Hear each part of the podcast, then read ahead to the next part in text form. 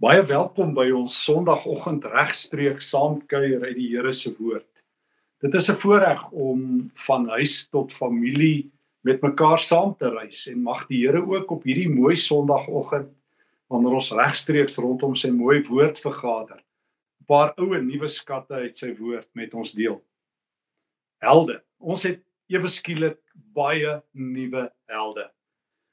Ons het uh, dokters en verpleegpersoneel en administratiewe personeel wat hulle lewens op die lyn sit elke dag.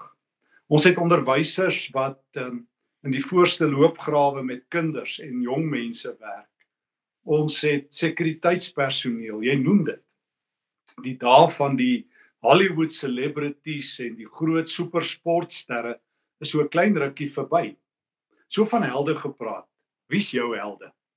Ek het agtergekom soos wat ek ouer word, het daar twee dinge met my gebeur. Ek het agtergekom ek het minder helde want uh, miskien raak mense bietjie meer hm, volwasse. Soos ek altyd sê, volwasse. Hulle pak so bietjie aan soos wat jy groot word. En andersins het ek agtergekom 'n tweede ding oor helde. Meeste mense wat ek ken, ek self inkluis, het miskien skrywers as helde, sportsterre, jy noem dit. Maar Christelike helde eintlik baie min. En ek het agtergekom dat die Bybel veronderstel is om my lewe vol te maak met helde.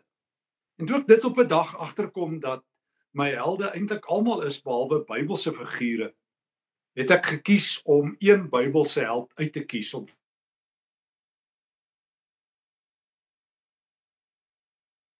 Paulus is die enigste ou vir wie die Here toestemming gegee het dat hy vir mense mag sê leef soos ek.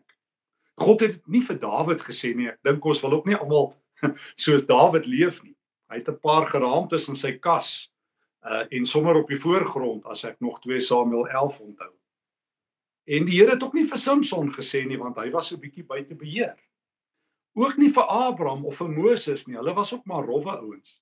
Daar was een man van almal wat die Bybel help skryf het deur die Heilige Gees. Net een man wat byvoorbeeld in 1 Korintiërs 11 vers 1 kon sê: "Volg my voorbeeld, leef soos ek." Hy skryf dit 'n paar keer, 5 keer as ek reg onthou, vir die Tessalonisense, vir um, die gemeente in Korinte. Volg my voorbeeld. Leef soos ek. Hy sê dit ook vir die Filippense. Leef soos ek. Die Griekse woord mimesis, boots my na. Doen wat ek doen. Hoekom? Hoekom het die Here dit net vir Paulus gesê? O, want hy was die model gelowige. Hy het nooit gekla nie, hy het nooit handdoek ingegooi nie, nooit gemurmureer nie, nooit soos Petrus sy verloon oomblikke gehad nie. Soos die Hollanders sê, he stayed on the course. Paulus, die man wie jy kan navolg, want hy volg Christus na. 1 Korintiërs 11 volg my na soos ek Christus navolg. En Paulus het my lewensheld geword. Vir my het die Bybel nie 'n sogenaamde go-to boek geword nie, soos vir baie Christene. Die Bybel is eintlik 'n toe-boek en as daar 'n krisis is, nou ja, wat sê die Here dan oor corona? Wat sê hy oor ehm um, grondhervorming? Wat sê hy oor die toekoms? Dan moet die Bybel oopgaan. Ek het geleer by Paulus dat die Bybel 'n lewensboek is. En ek het probeer om my lewe in die afgelope klompie jare te modelleer, te vorm op Paulus. Want dis 'n opdrag in die Bybel. Volg hierdie man na. In Desember verlede jaar, nog voor lockdown tyd, het ek een van my lewensdrome waargemaak en dit is om om op die hakke van Paulus nog 'n stukkie verder te gaan loop. Ek was al 'n paar kere in my lewe op ehm, hele paar kere in Athene en plek soos daardie. Maar ek wou graag op een plek staan. Een plek waar my held opgetree het wat my eie denke verander het. En toe het twee goeie vriende van ons, Willie Swart en Lis Swart en Maritjie en ek, ons eie klein pelgrimstog op Paulus se tweede sendingreis gaan doen. Ek was nog nooit op daardie een plek waar die wêreld verander het, waar hemel en aarde grond geraak het nie. Ek praat van die stad Filippi. O, ek weet Paulus het al uh, het 3 keer in die stad Filippi draai gemaak op sy tweede sendingreis en twee keer op sy derde sendingreis was Paulus in die stad Filippi. Hierdie baie beroemde stad van die Macedoniërs, van die groot provinsie Macedonië, die magtige wêreldryk voordat ehm um, voor die koms van Christus was dit die tyd daar 'n paar eeue voor Christus uh waarvandaan Alexander die Grote gekom het, die Macedoniërs.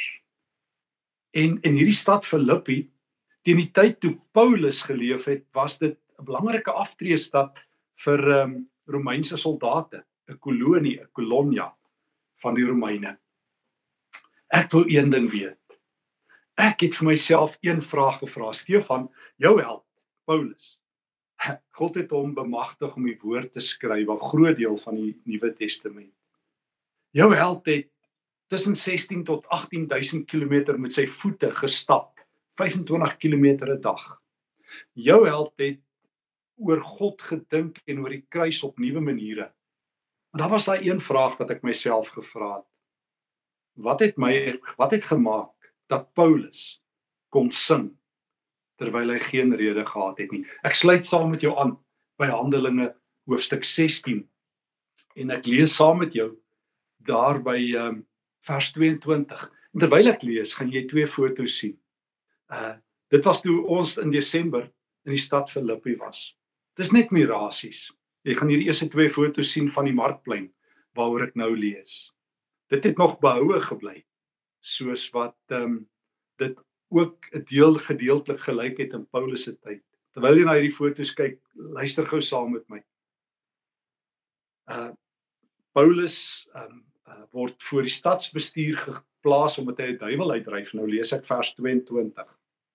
Die skare het ook teen hulle gekant geraak.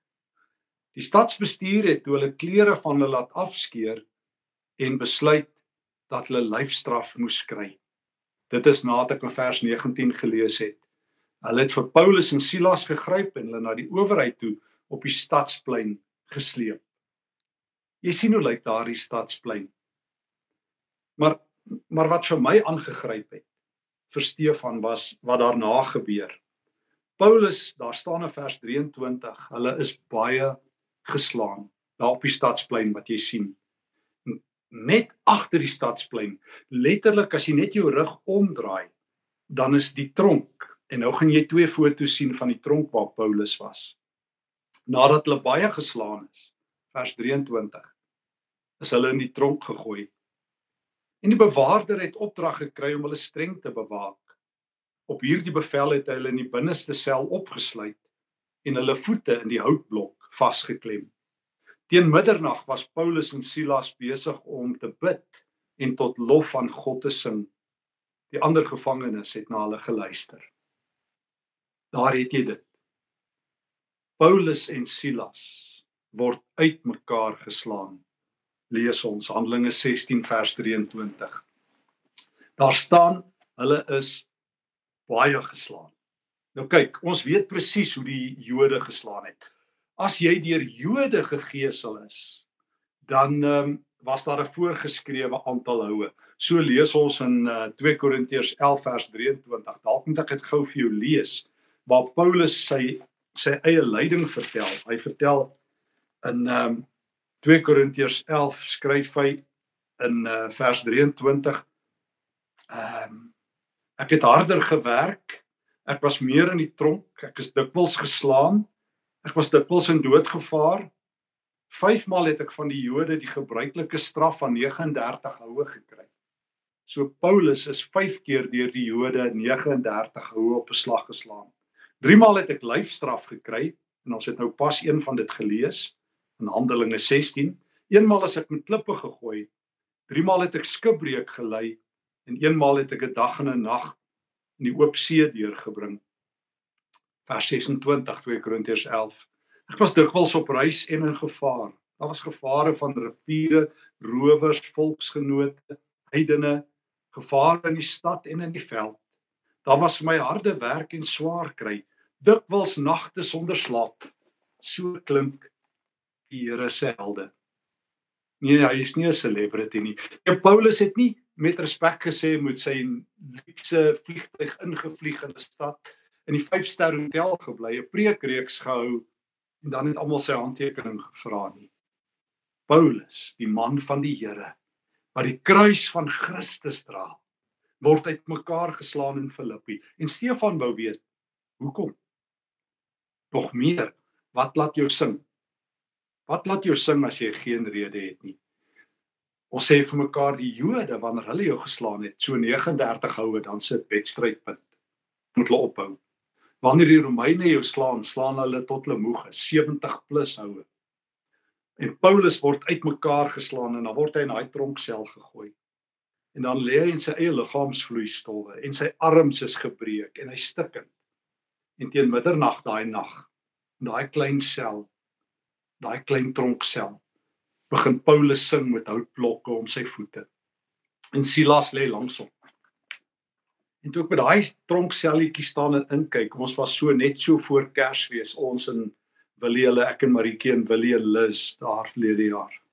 En daar was niemand anders nie, dit was so 'n koue dag daar in Griekeland.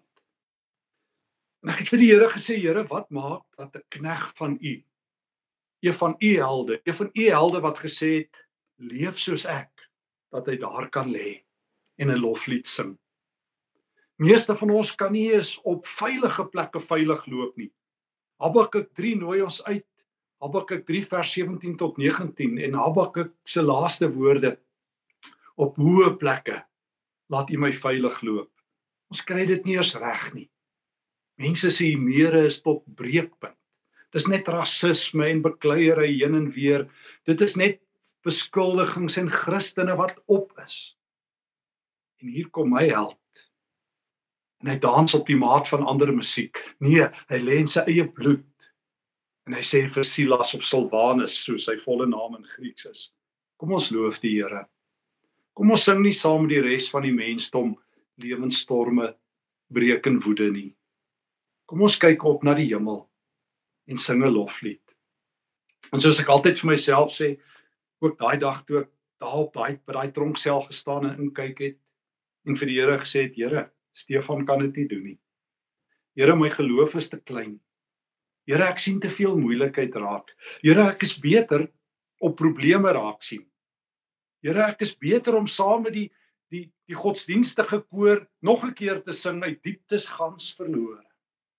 Ek is maar saam met die koor wat sê, miskien eendag sal die Here ons help. Ons sal maar op 'n paar beloftes staan en sê nou maar, dit sal eendag daar beter gaan. Maar Here, wat maak dat U helde, die manne en vroue wat U geroep het om in die voorste loopgrawe te lewe.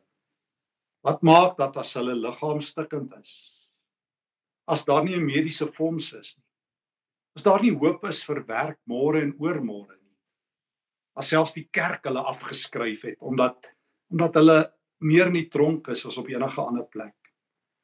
Here, wat maak dat u kinders 'n loflied kan sing? Loflied wat nou weliswaar nie op Idols Suid-Afrika of op Britain's of America's Got Talent of Greece's Got Talent sal weer klink nie. Want jy kan nie sing nie, né?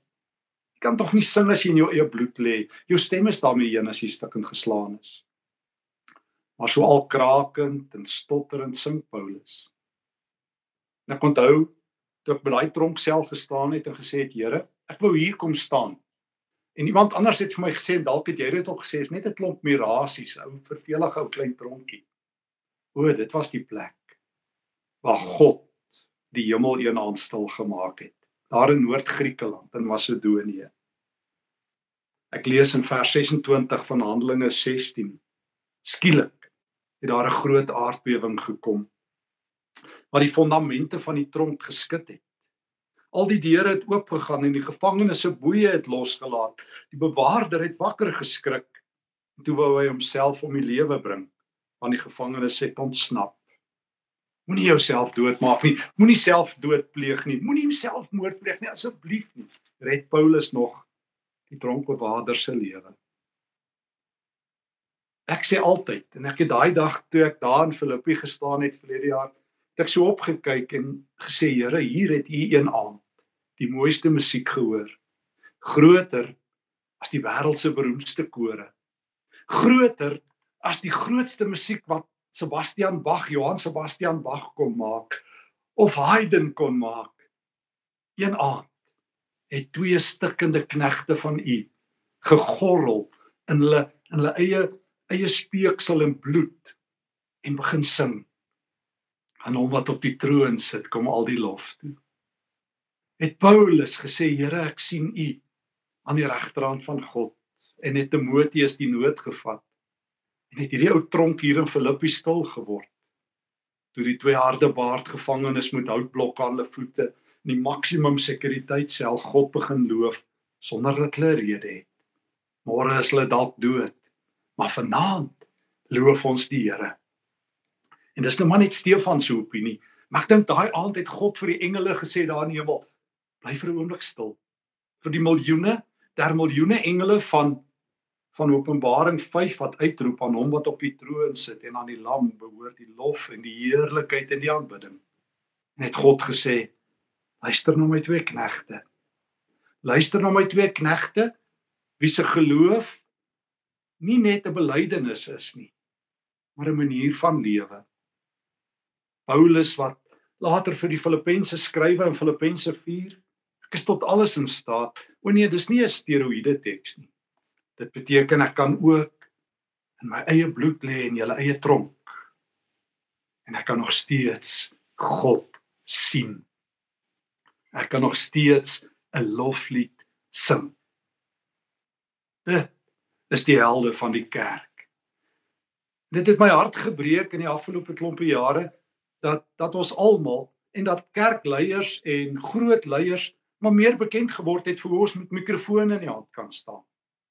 En dis okay ek kritiseer dit nie, maar ek onthou die foto's van myself was waar ek maar op 'n kansel by 'n groot gemeente staan en preek en die groot worship leaders wat skare aan hulle voete het, het het so 'n soort van die prentjie geword van Christendom.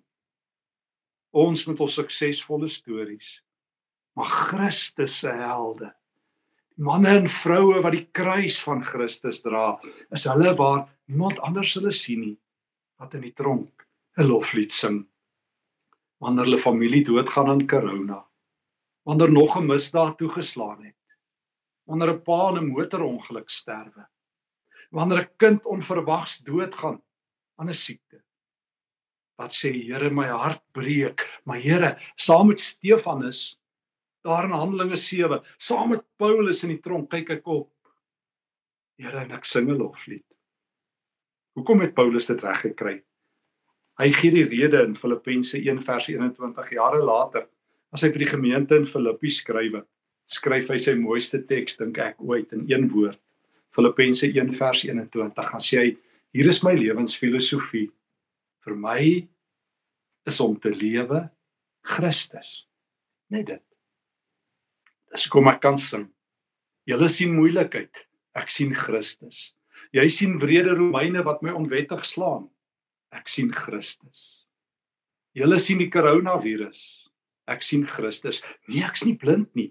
Kyk net hoe lyk my lyf sou Paulus sê. 194 houe het die Jode my geslaan uitmekaar. 3 keer het die Romeine my in pot ingeslaan. Een keer is ek gestenig op die eerste sendingreis.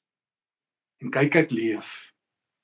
Oor die wêreld is hard en wreed, maar Christus is hier en sy helde is hier en vir my is om te lewe Christus. O, daar's nog 'n geheim.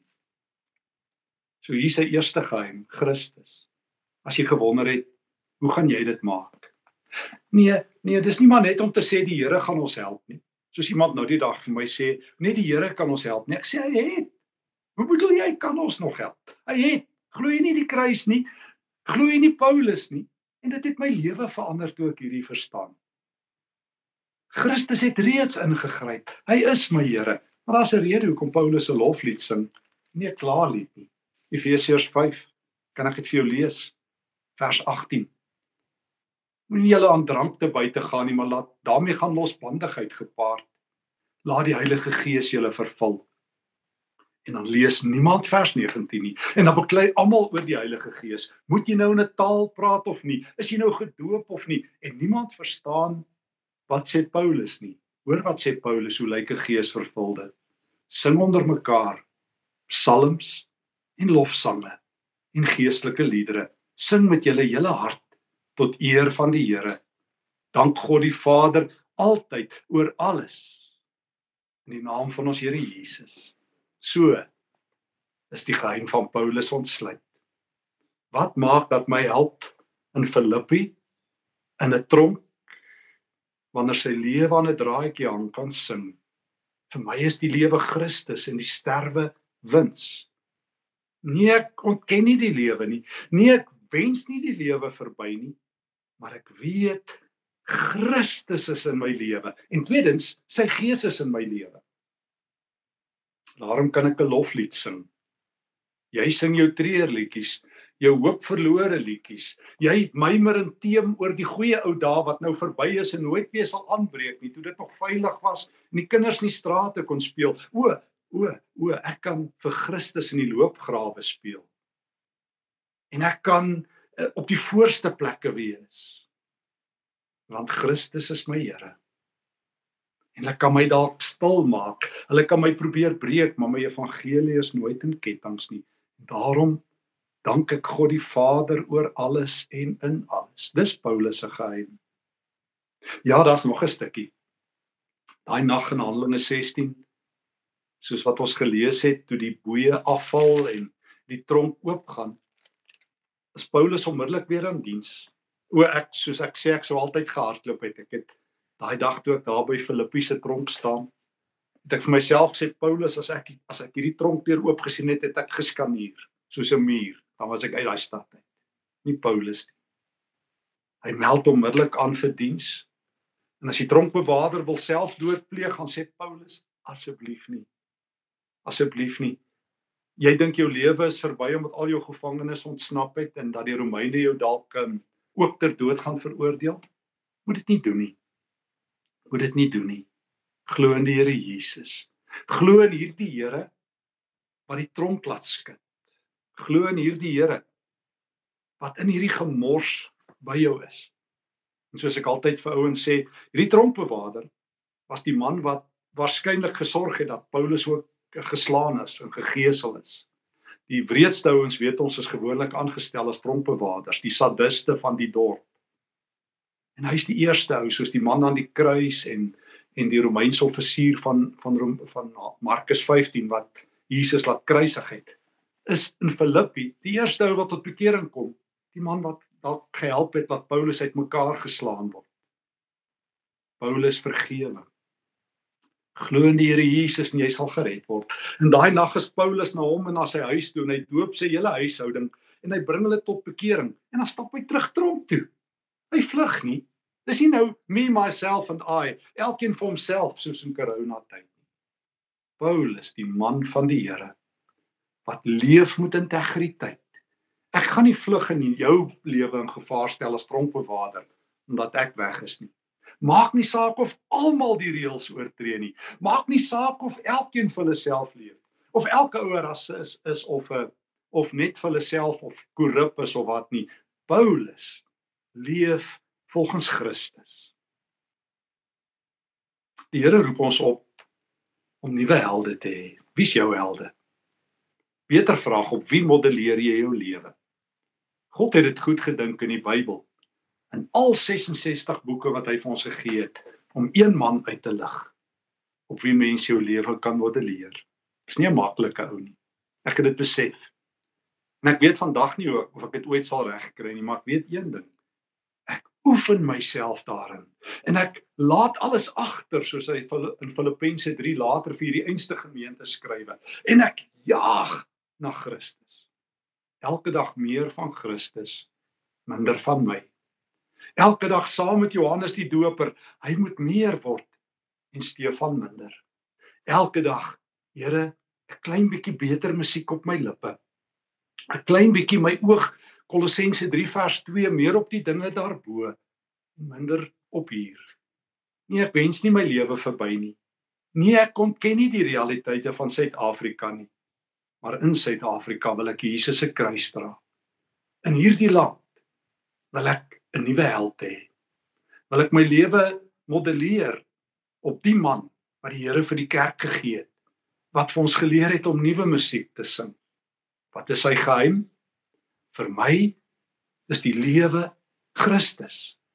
Nee nee, dis nie net 'n vrome belydenis nie. Dis die belydenis wat op my hande, op my voete en my kop is. Vir my is die lewe Christus. En wanneer die Gees my vervul, dan sing ek nuwe musiek. Dan loof ek God al doen ek dit alleen. Kan ek jou vra? Of jy nie saam met my jou lewe opnuut wil toewy aan die Here nie. Kom ons bid saam. Here, ek kry dit moeilik reg om saam met Paulus te sing, maar U het vanoggend my oë oopgemaak. Here vir 'n nuwe pad. Here leer my om om ook te bely vir my is om te lewe Christus en leer my Here om vervul te wees met die Heilige Gees. Skryf asseblief asseblief nuwe bladmusiek vir my lewe in Jesus se naam. Amen. thank you